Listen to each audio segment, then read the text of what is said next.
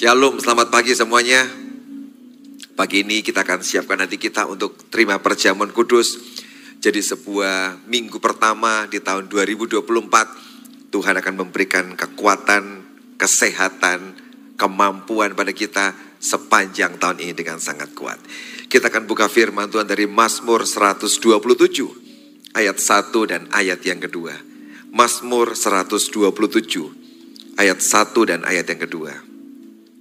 Nyanyian siarah Salomo. Jikalau bukan Tuhan yang membangun rumah, sia-sialah usaha orang yang membangunnya. Jikalau, jikalau bukan Tuhan yang mengawal kota, sia-sialah pengawal berjaga-jaga. Sia-sialah kamu bangun pagi-pagi dan duduk-duduk sampai jauh malam dan makan roti yang diperoleh dengan susah payah sebab ia memberikannya kepada yang dicintainya pada waktu tidur. Saudara ini adalah Mazmur yang ditulis oleh Raja Salomo. Di depan dikasih tahu nyanyian Siara Salomo. Siapakah Salomo itu saudara? Salomo adalah orang yang sukses, bukan cuma sukses. Tapi orang yang sangat sukses. Di tiga area kehidupannya. Yang pertama rohani. Yang kedua secara jiwa. Tapi juga secara daging.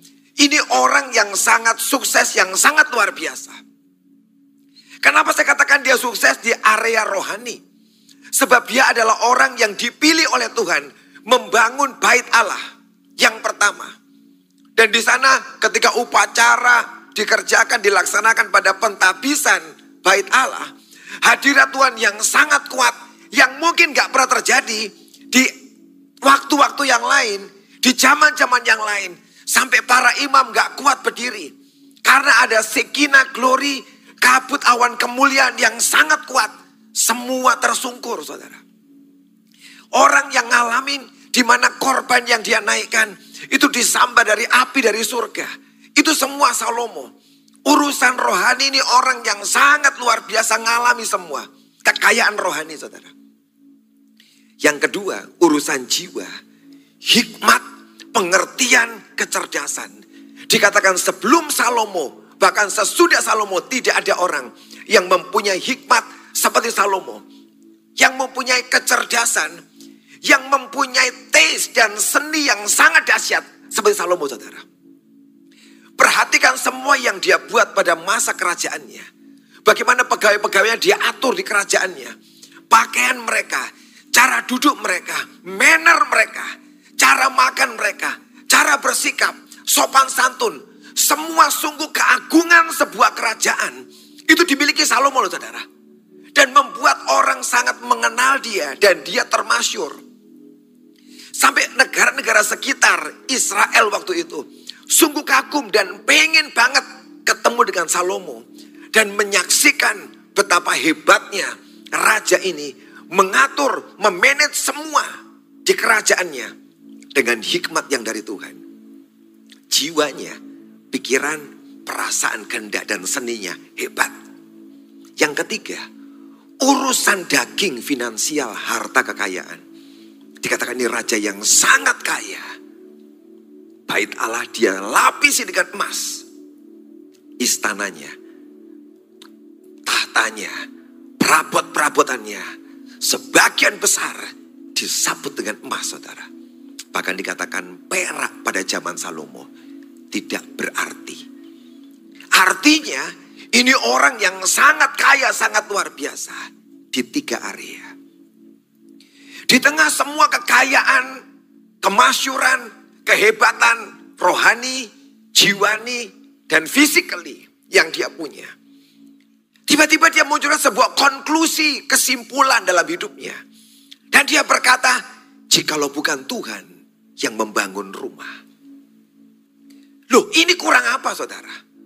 Semua yang dunia inginkan, yang orang inginkan, orang temukan dalam hidup raja ini. Tapi tiba-tiba raja ini berkata, kalau bukan Tuhan yang membangun rumah, sia-sialah usaha orang yang membangunnya. Ini orang artinya pada masanya dia melekat kepada Tuhan. Dia sadar semua yang hebat itu kalau dikeluarkan Tuhan dari semua yang dia kerjakan. Dia tahu semua akan runtuh dan hancur. Di tengah semua kehebatannya, kalau sampai Tuhan dikeluarkan dari apa yang dia kerjakan, dari apa yang dia punya, semua akan runtuh dan semua akan hancur. Saudara perhatikan ayat ini. Dalam hidup kita tahun 2024. Semua yang sedang engkau bangun dalam hari-hari ini. Engkau membangun bisnis, membangun keluarga, membangun apa pun, pelayanan juga. Jangan sampai engkau menyingkirkan Tuhan keluar dari semua yang sedang kau kerjakan dan yang sedang kau bangun. Dan bahayanya adalah sering kali kita tidak menyadari ketika engkau sedang menggeser posisi Tuhan dan mengambil posisi itu engkau jadikan milikmu. Akulah penguasanya, akulah yang berhak mengatur. Dalam khotbah Natal, saya ngomong satu hal tentang Herodes, spirit Herodes. Ini raja yang merasa dialah rajanya. Dan dia tidak pernah mau ada raja lain yang berkuasa. Termasuk juru selamat Yesus yang lahir di Bethlehem. Dan dia pengen membunuh bayi itu. Karena tidak boleh ada dua raja dalam kerajaan Herodes. Dia pengen geser, bahkan mematikan raja itu. Dan saya katakan, spiritnya masih ada. Engkau yang pengen atur hidupmu, karena ini uangmu, ini pekerjaanmu, ini keluargamu, ini hakmu. Dan kau sedang menggeser Tuhan keluar dari semua yang kau kerjakan. Di saat kau mulai geser dia keluar, di situlah pengeroposan mulai terjadi di dalam semua yang sedang kau bangun. Detik engkau menggeser Tuhan keluar, di situlah awal sebuah kekeroposan dalam hidupmu dan apa yang sedang kau bangun. Dan tunggu waktu sebentar lagi, semua bangunan yang kau bangun akan ambruk dan runtuh. Begitu banyak contoh di Alkitab. Raja Usia itu raja yang pernah besar luar biasa. Menemukan semua penemuan senjata-senjata perang yang luar biasa. Detik hatinya berubah. Dikatakan berubah setia. Tidak setia lagi. Itulah waktunya dia hancur. Dan dia kusta. Tiap kali kau geser Tuhan keluar, semua yang kau kerjakan akan hancur. Tahun 2006 di Moskow ada sebuah pasar yang bernama pasar Basmani. Itu pasar yang cukup besar. Tapi tahun 2006 pasar yang besar itu bangunan yang besar itu runtuh dan membunuh 66 orang. Apakah Rusia tidak terlalu canggih membangun, itu negara yang maju, negara adik kuasa. Pada masa itu, dua negara adik kuasa yang terkenal, Amerika dan Rusia, yang terus bersaing siapa yang terhebat. Ini negara maju, negara hebat, dan pasti semua arsitek yang dia punya hebat-hebat dan luar biasa. Dan dia bangun wilayah perbelanjaan itu sangat besar, tapi runtuh Kenapa bisa runtuh saudara? Arsiteknya yang ngitung pembangunan atapnya saudara. Ada yang kelupaan lolos. Sebab Rusia itu negara yang empat musim. Dan di musim salju. Seringkali salju datang turun dengan sangat tebal. Dan arsiteknya lupa memperhitungkan. Kalau sampai semua atap itu ditimbuni salju yang sangat tebal dan dia tidak ngitung itu. Dia cuma hitung bagaimana buat kuat menyangga semua ini. Tapi satu hal dia lupa. Bagaimana kalau salju sangat tebal, penuh di atapnya. Akhirnya apa terjadi? 2006 itu roboh, hancur, membunuh 66 orang saudara. Cuma satu kelalaiannya, dia lupa ngitung kalau salju turun. Hidup ini saudara yang sedang kita bangun tidak ada yang perfect dan sempurna. Selalu di tengah semua yang kita pikir sempurna sangat baik. Perhitungan sematang apa yang kau buat. Selalu ada celah di sana. Yang kau tidak pernah bisa ngerti celah itu saudara. Tapi kalau ada Tuhan yang kau undang masuk, di situlah Tuhan akan menjaga setiap celah, setiap ketidaksempurnaan, setiap apa yang sudah di luar yang kau pikirkan, yang tidak pernah kau bayangkan, dia akan ada di sana untuk menopang dan menjaga. Pak Hengki berkata, dia menopang dunia ini dengan firmannya. Dia topang. Jadi tiap kali kau mengandalkan dia, di situlah Tuhan akan menara, menadakan tangannya. Dia akan pegang apa pun yang sedang kau kerjakan. Sebab dia ada di sana. Cuman urusan dia tidak ngitung kalau salju turun. Dan apa yang dibangun sia-sia. Betul yang Salomo katakan. Kalau bukan Tuhan yang membangun, maka semuanya apa? Sia-sia. Berapa miliar atau puluhan miliar uang yang hilang. Tapi 66 nyawa hilang. Sia-sia. Saudara ini pelajaran bagus buat kita. Kita menyadari bahwa tahun ini tidak bisa kita ini jalan tanpa Tuhan. Tidak bisa kita lupakan dia. Dan tidak bisa kita menggeser dia keluar dari hidup kita. Sebab keruntuhan, kehancuran akan kita alami. Kalau sampai kita tidak menghitung dengan sungguh-sungguh. Dan memasukkan Tuhan terus bersama dengan kita dalam segala perjalanan kita. Kalau bukan Tuhan yang membangun rumah, jadikan dia sebagai master builder. Jadikan dia sebagai arsitek yang ngitung. Arsitek yang hebat itu. Dia sekolah dan dia bisa ngitung semua kekuatan dengan sangat teliti. Oh, bangunan ini harus sekian semennya, kekuatannya. Tiang-tiang yang menyangga harus seperti ini besar besinya. Atapnya harus seperti ini. Fondasi seperti ini. Dia akan ngitung semua dengan sangat cepat. Cermat. Sehingga nggak ada kelolosan. Arsitek yang hebat. Setelah itu ada tukang-tukang yang membangunnya. Saudara tempatkan hidupmu sebagai tukang saja saudara. Dan jangan tempatkan dirimu sebagai arsiteknya. Yang coba ambil alih tugas arsitek ngitung semua. Jangan. Biarkan Tuhan menjadi arsitek yang ngitung semua. Dan bagianmu adalah cuman komentaati. Apa yang dia katakan besinya harus sebesar ini. Fondasinya harus sedalam ini. Dan tidak usah kreatif berkata, Pak biasanya seperti ini. Gak usah. Dengarkan arsitek itu, pembangun rumah itu. Dan bagianmu jadi tukang bangunan aja. Yang bangun akan jadi bangunan-bangunan yang dahsyat, yang luar biasa sepanjang tahun 2024. Amin. Sebab dia tahu di mana letak kelemahannya. Dan dia akan menolong, menutup semua itu. Sehingga menjadi aman. Dan tidak ada kegagalan, kehancuran. Dan dikatakan lagi, jikalau bukan Tuhan yang mengawal kota. Sia-sialah pengawal berjaga-jaga. Sia-sia kalau Tuhan bukan penjaga kota. 7 Oktober 2023, Israel kaget saudara. Sore hari itu, kenapa? Sebab tiba-tiba ada pasukan dari seberang yang nyebrang. Dia pakai para layang, dia pakai alat berat, dia tabrak temboknya. Pembatas antara daerah Gaza dan Israel. Dan hari itu lebih seribu orang tewas. Israel itu adalah negara yang paling hebat tentaranya saudara. Intelijennya hebat, diakui dunia.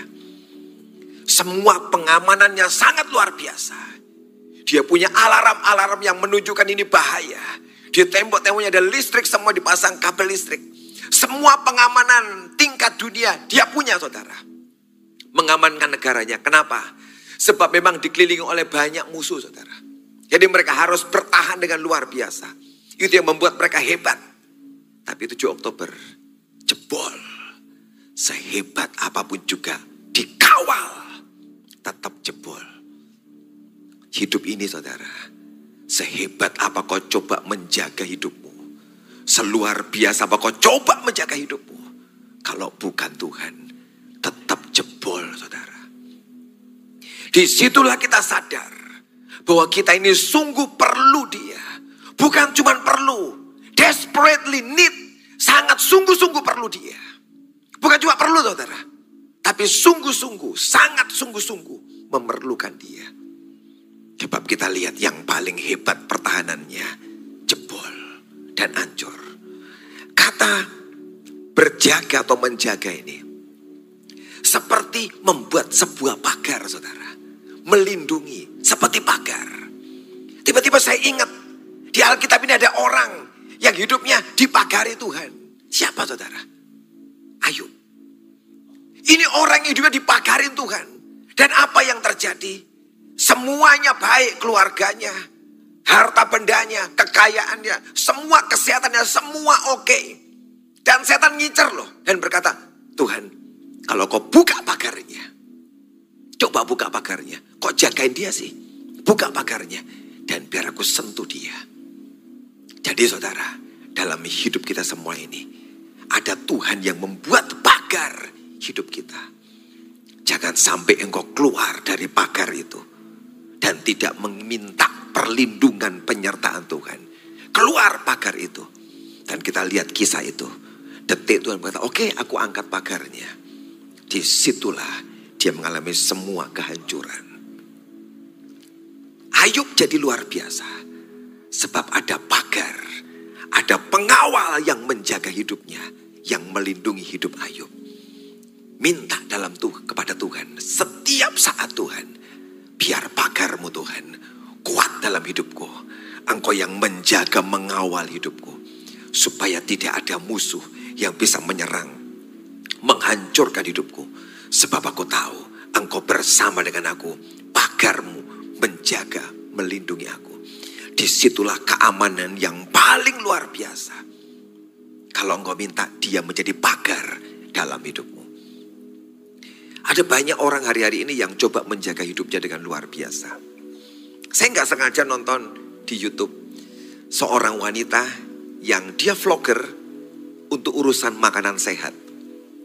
Saya ngelihat dia cerita tentang makan sayur-sayuran, buah-buahan itu bagus sehat. Dan dia tuh ini saya sehat banget. Dia makan buah dan sayur terus. Dan dia sehat. Tapi terakhir dikabarkan orang yang sangat sehat ini mati kekurangan gizi. Dan saudara, saya juga bingung. Lu katanya sehat banget. Terus ditunjuk ini loh, orang yang selama ini ngajarin pola hidup sehat. Mati, kurang gizi. Karena makan sayur dan buah tok. Tidak makan yang lain. Saking sehatnya, saking sehatnya, mati. Loh saudara, buat kita itu kan pertanyaan. Harusnya kalau sudah sehat kan Gak akan mati, panjang umurnya. Enggak saudara. Sehebat apa kita coba menjaga diri kita. Gak bisa. Jadi hari gimana pak? Aku makan jeruan. Jangan dijarak. Ojo jarak. Makan secukupnya. Jangan berlebihan. Lo boleh makan daging sedikit. Duren sedikit. Oh boleh. Tidak apa-apa. Tapi secukupnya. Jangan juga semua tidak dimakan apa. Hanya makan yang sangat sehat tadi. Ujungnya apa? Mati. Pak, aku selama ini makan sayur dan buah. Piye aku pak? Tidak apa-apa. Kalau belum waktu mati, tidak mati tidak. Tidak usah takut. Tenang aja. Ya kan, dokter di Singapura.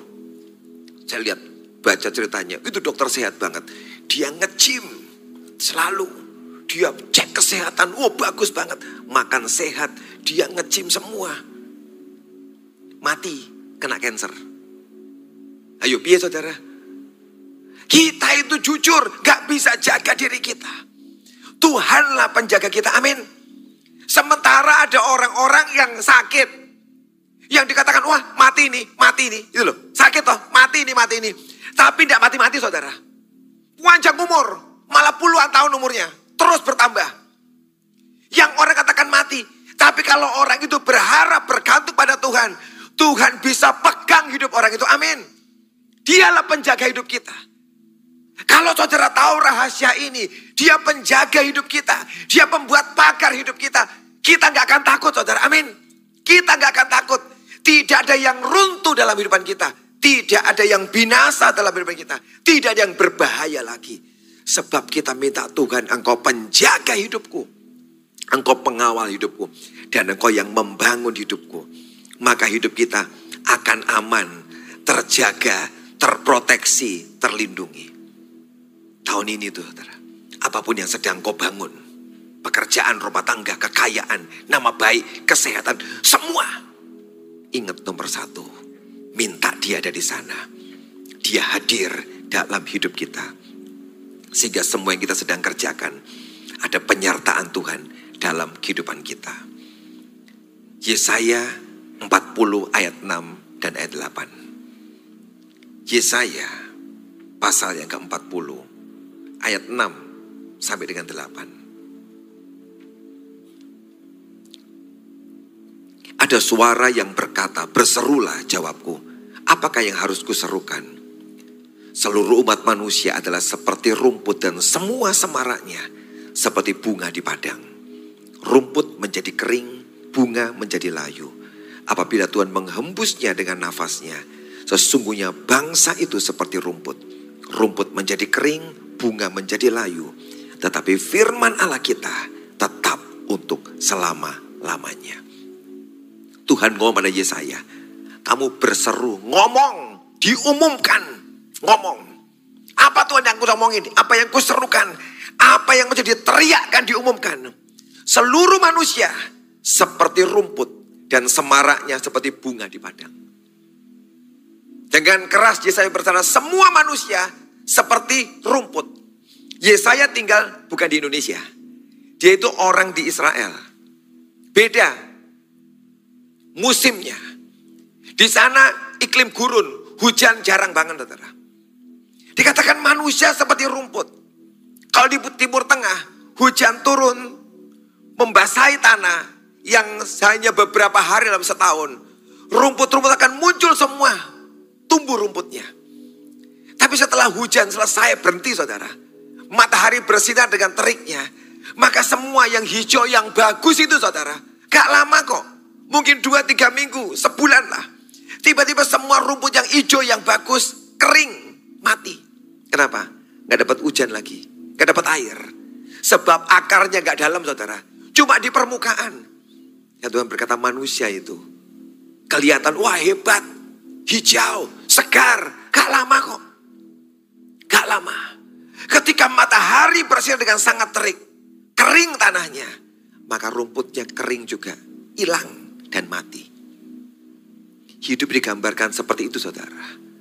Kalau engkau tidak melekat pada Tuhan, hidupmu cuma hijau sebentar. Ketika panas terik datang, mengering dan mati. Dan semua semaraknya, semua kehebatannya, famousnya, keterkenalannya, kecantikannya, kehebatannya, seperti bunga di padang. Bunga itu yang di padang rumput itu umurnya berapa lama tuh bunga itu? Tidak bisa sebulan, tidak bisa kok saudara. Bunga itu tidak bisa sebulan saudara.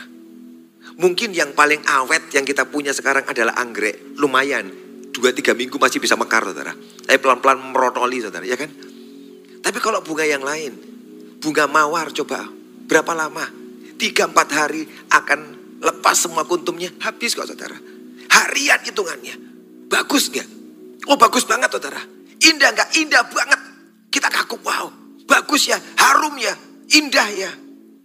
Hitungan hari, habis semua, rontok. Digambarkan itulah manusia. Ketika dia menghembuskan nafasnya, semua itu habis dan hilang. Tetapi, itu bagus. But, tetapi, firman Allah kita tetap untuk selama-lamanya. Jadi kalau sampai orang tidak percaya firman, berkata firman sudah kada luarsa, ada yang salah dengan saudara loh.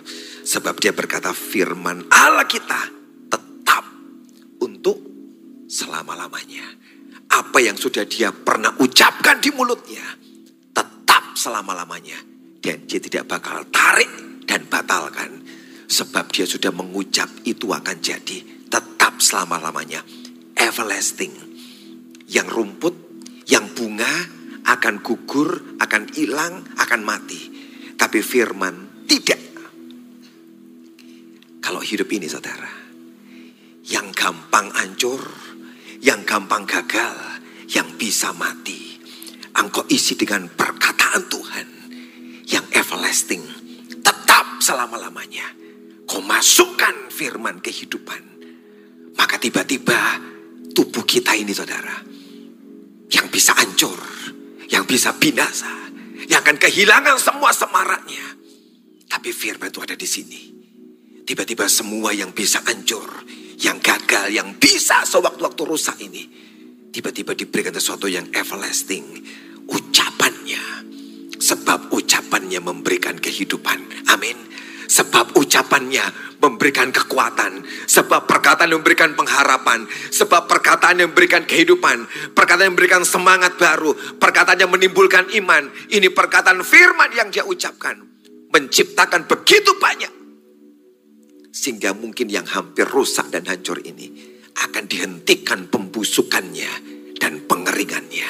Sebab firman yang dia perintahkan masuk dalam kehidupan kita.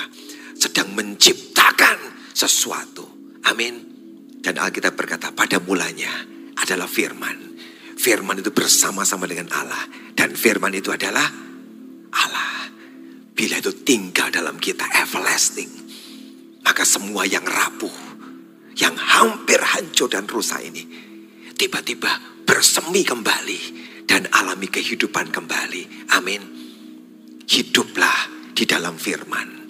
Hiduplah dikuasai firman. Hiduplah menjadi pelaku-pelaku firman. Maka semua yang Tuhan ucapkan akan jadi di dalam kehidupan kita. Tapi seperti apa? Kalau orang itu yang berharap dan tinggal dalam firman Tuhan Yeremia 17 ayat 7 dan ayat 8. Yeremia pasal yang ke-17 ayat 7 dan ayat yang ke-8. Diberkatilah orang yang mengandalkan Tuhan, yang menaruh harapannya pada Tuhan. Dia awal dengan kata bagus, diberkatilah atau berbahagialah orang yang mengandalkan Tuhan. Kalau yang pertama selalu berkata, tanpa Tuhan, artinya kau singkirin dia, sia-sia. Tapi begitu engkau mengandalkan Tuhan, engkau akan diberkati, berbahagia, mengandalkan.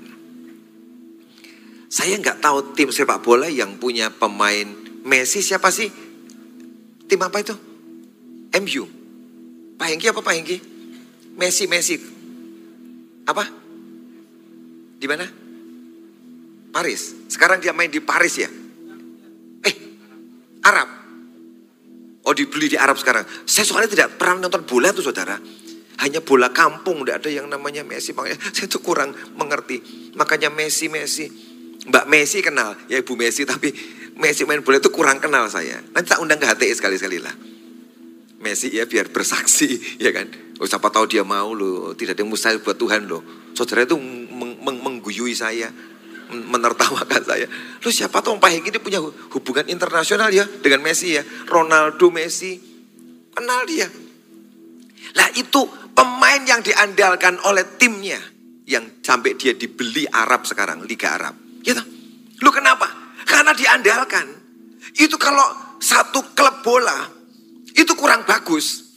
Kedatangan satu pemain ini saudara, bleng, bleng masuk. Masuk maka dia akan mengangkat nama klub itu loh saudara. Sebab ini orang walaupun dia tidak punya grup yang bagus, kurang bagus, dia single. Bahasa Jawa disenggeli. Ya toh? Tak senggeli. Nah itu loh, Messi. Kalau dia single aja saudara, dia bisa mencetak gol. Di klub yang dia diminta datang ke sana. Bergabung dengan dia. Itu artinya mereka mengandalkan Messi. Ini pasti kalau di klub kita menghasilkan gol yang hebat. Ronaldo juga punya klub dan klub yang punya dia mengandalkan satu orang ini. Sebab di mana dia ada dan dia main akan selalu memenangkan pertandingan hari itu. Saudara tahu, dikatakan ini andalkan Tuhan. Caranya Tuhan hadir dalam klubku Tuhan ada klub hati itu. kita itu kalahan saudara. Banyak kekalahan kita. Tapi detik Tuhan hadir di tengah-tengah kita.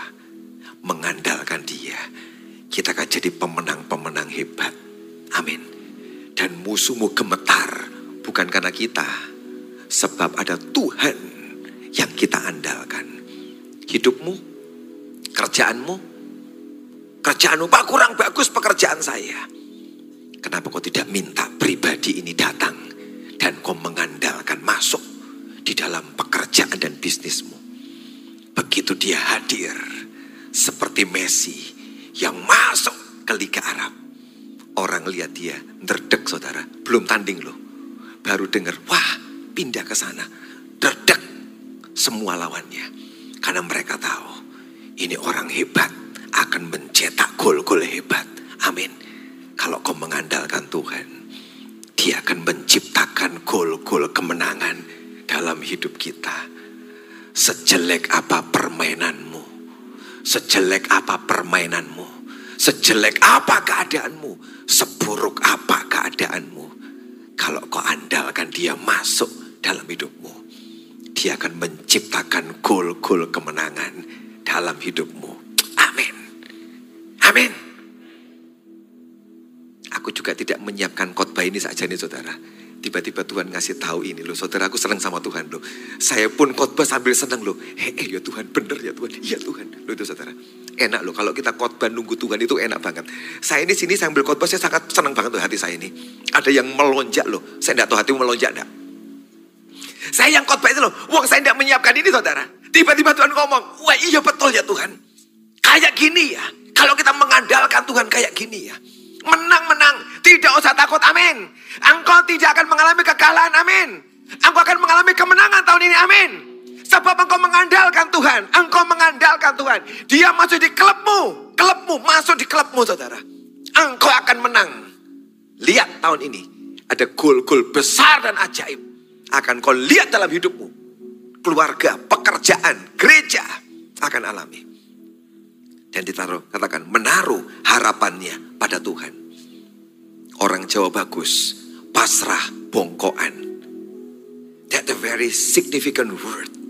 Pasrah bongkoan. Gak jadi translate ke dalam bahasa Inggris. Pasrah bongkoan. Only orang Semarang yang tahu, understand pasrah bongkoan. Tahu pasrah bongkoan?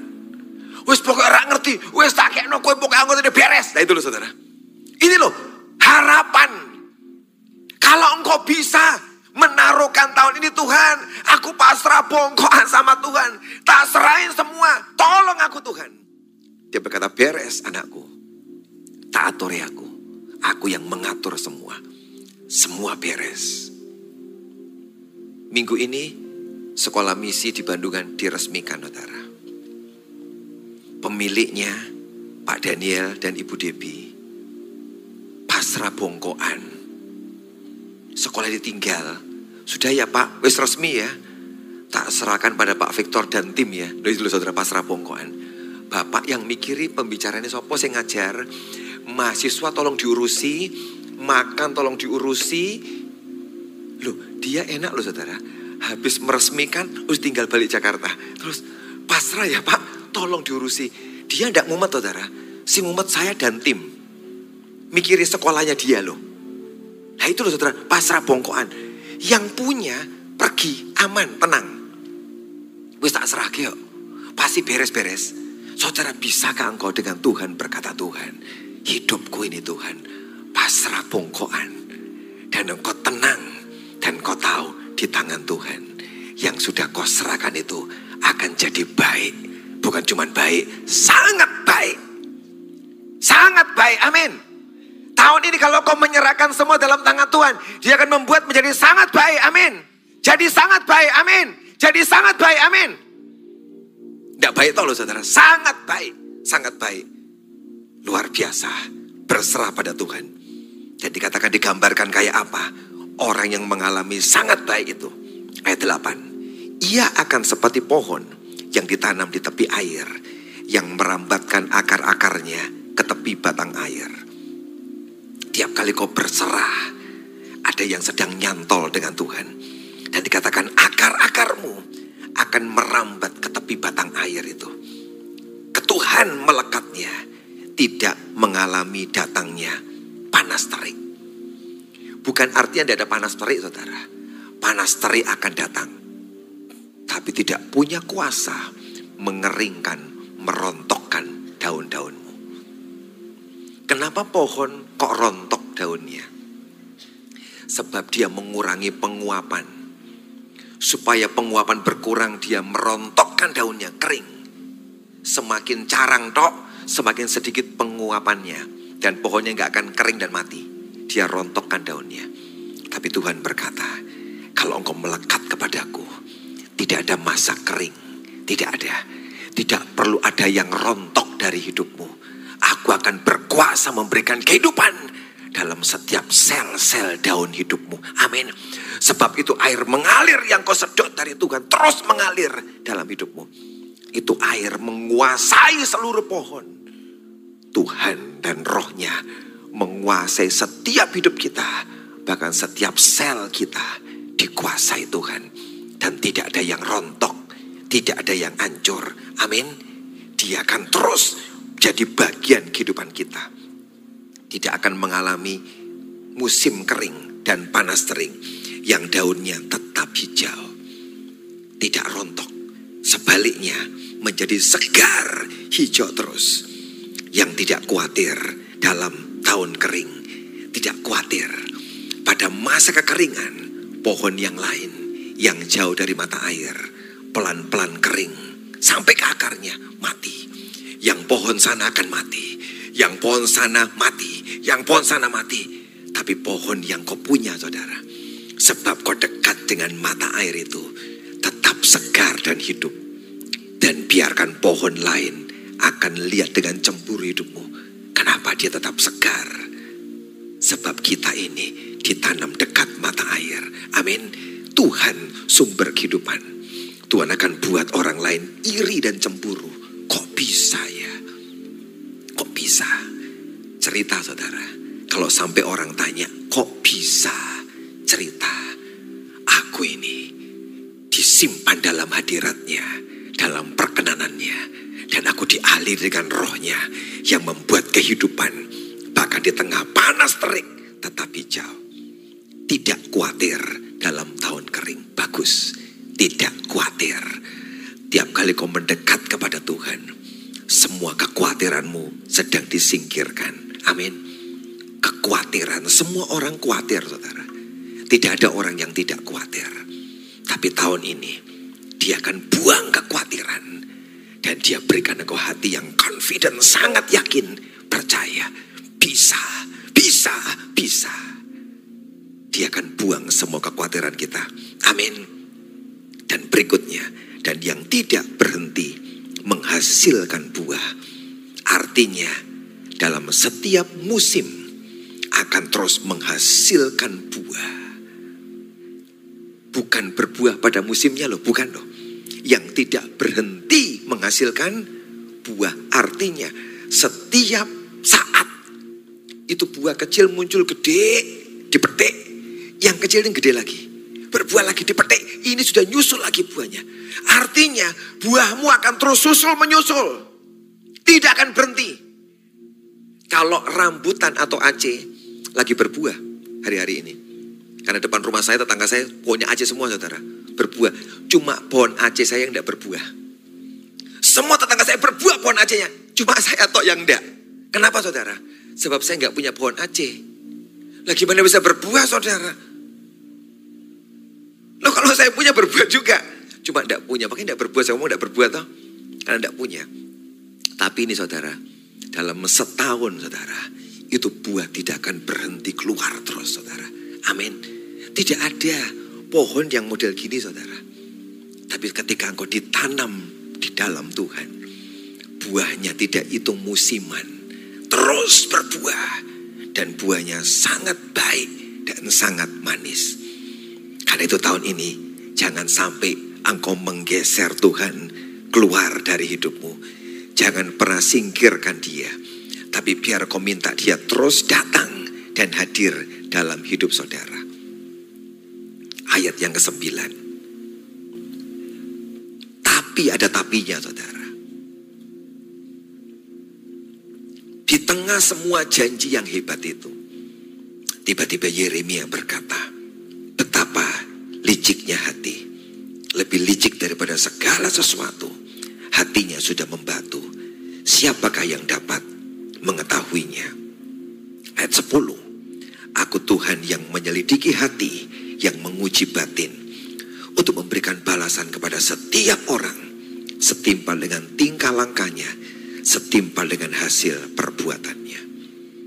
Dia sudah janjikan yang hebat dan dia berkata, tapi ada sebuah peringatan betapa liciknya hati.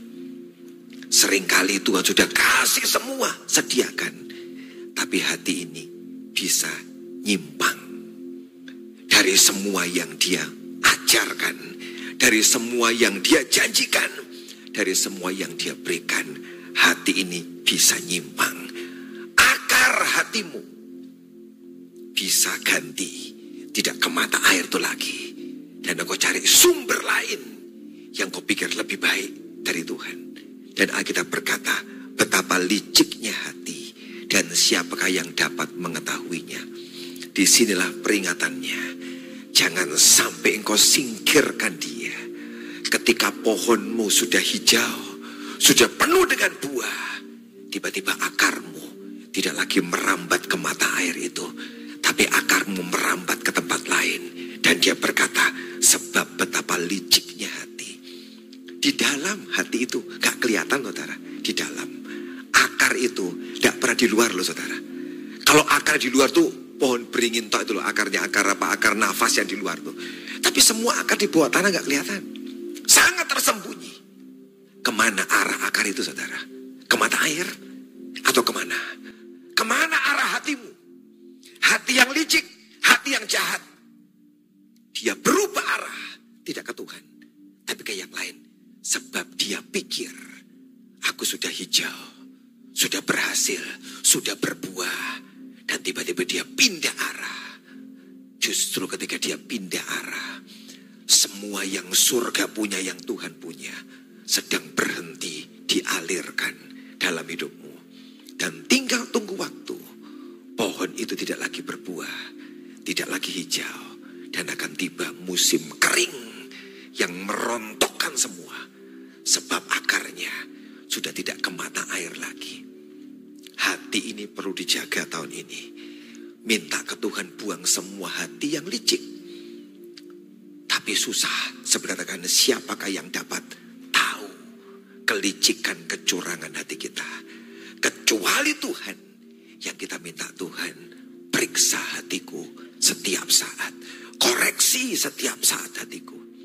Kalau kau izinkan dia koreksi, periksa hatimu. Itulah waktunya dia akan tunjukkan keadaan hatimu. Dan biarkan keadaan hati kita, akar di hati kita tetap oke. Okay. Terus tertuju kepada mata air itu. Sehingga apa yang Salomo katakan. Yang sia-sia tidak akan kita alami. Kita balik ke Mazmur tadi saudara. Belum selesai. Mazmur 127. Karena ada satu bagian lagi yang bagus. Ayat yang kedua. Sia-sialah kamu bangun pagi-pagi dan duduk-duduk sampai jauh malam dan makan roti yang diperoleh dengan susah payah sebab ia memberikannya kepada yang dicintainya pada waktu tidur. Sia-sia bangun pagi, engkau duduk kerja sampai jauh malam dan makan roti yang diperoleh dengan susah payah. Tahun ini ada orang yang akan kerja keras dari pagi sampai jauh malam kerja keras. Banting tulang, kepala jadi kaki, kaki jadi kepala. Itu istilah itu artinya kerja serius sungguh-sungguh kerja keras.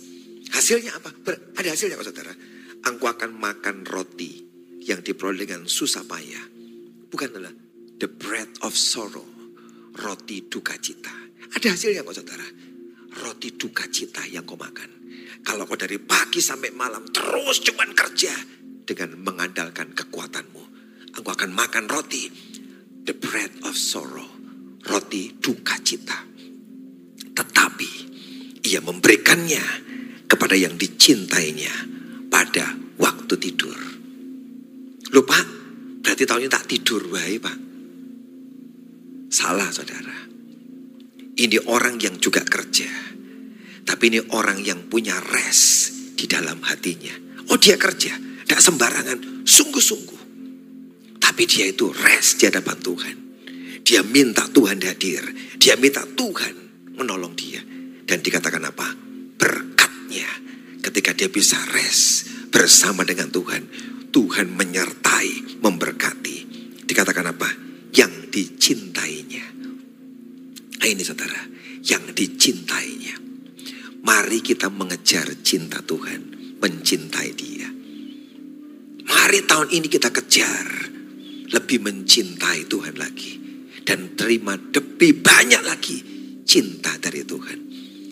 Ada pendeta yang berkata, Tuhan itu kalau mencintai semua orang sama. Saudara setuju enggak tuh? Tuhan mencintai semua orang itu sama. Saya rodok protes. Lu kenapa?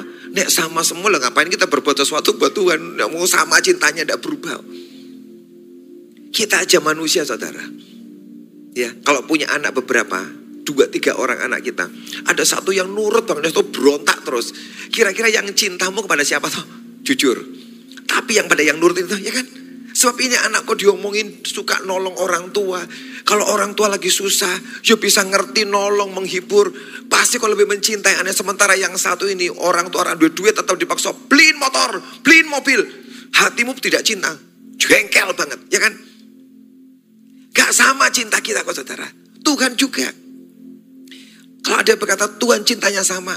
Betul, mungkin betul sebagian. Sebab dia berkata Tuhan memberikan hujan untuk orang fasik dan orang benar. Oh betul, masalah hujan, oke. Okay. Tuhan memberikan sinar matahari pada semua orang. Orang fasik, orang benar, betul.